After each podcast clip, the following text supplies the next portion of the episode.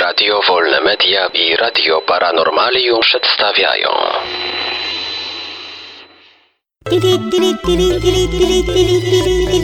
Dziwne informacje.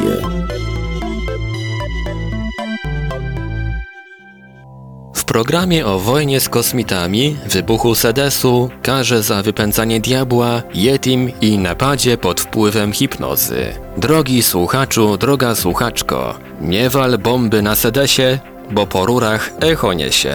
Wysłuchaj dziwnych informacji. Bez Rosji USA przegrają wojnę z kosmitami.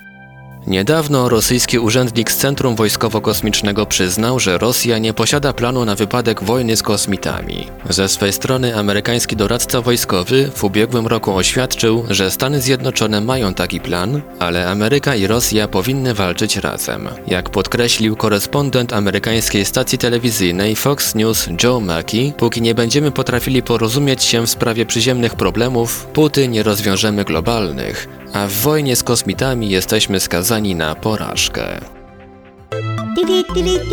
Wybuch sedesu w Nowym Jorku.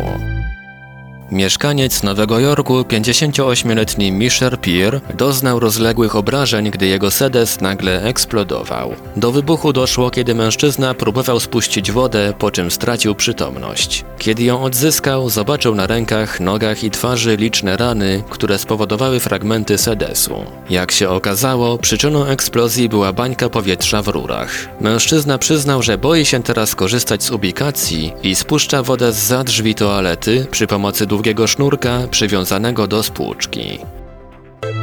Do więzienia za wypędzanie diabła.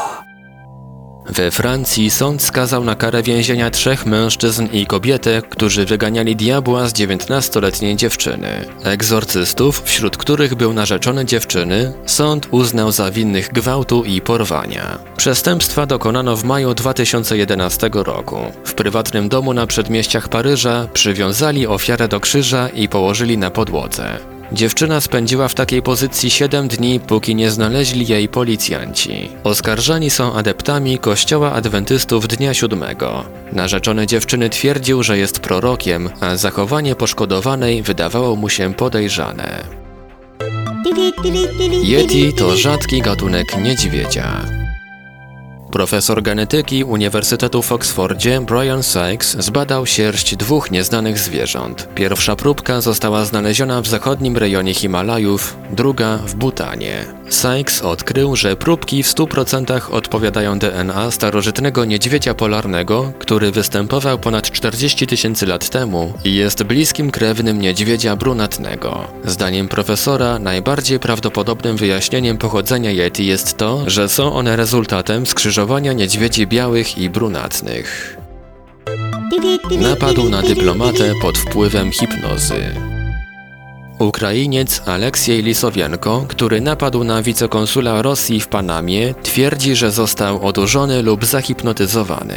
Zgodnie z jego słowami, przed napadem znajdował się pod wpływem pewnych zewnętrznych czynników i nie zdawał sobie sprawy z tego, co robi. Słowa Lisowienki zacytowali przedstawiciele ukraińskiej ambasady. Ukrainiec ranił nożem w brzuch rosyjskiego dyplomatę Jewgenija Maniłowa w czasie, gdy wychodził on z budynku konsulatu stolicy Panamy.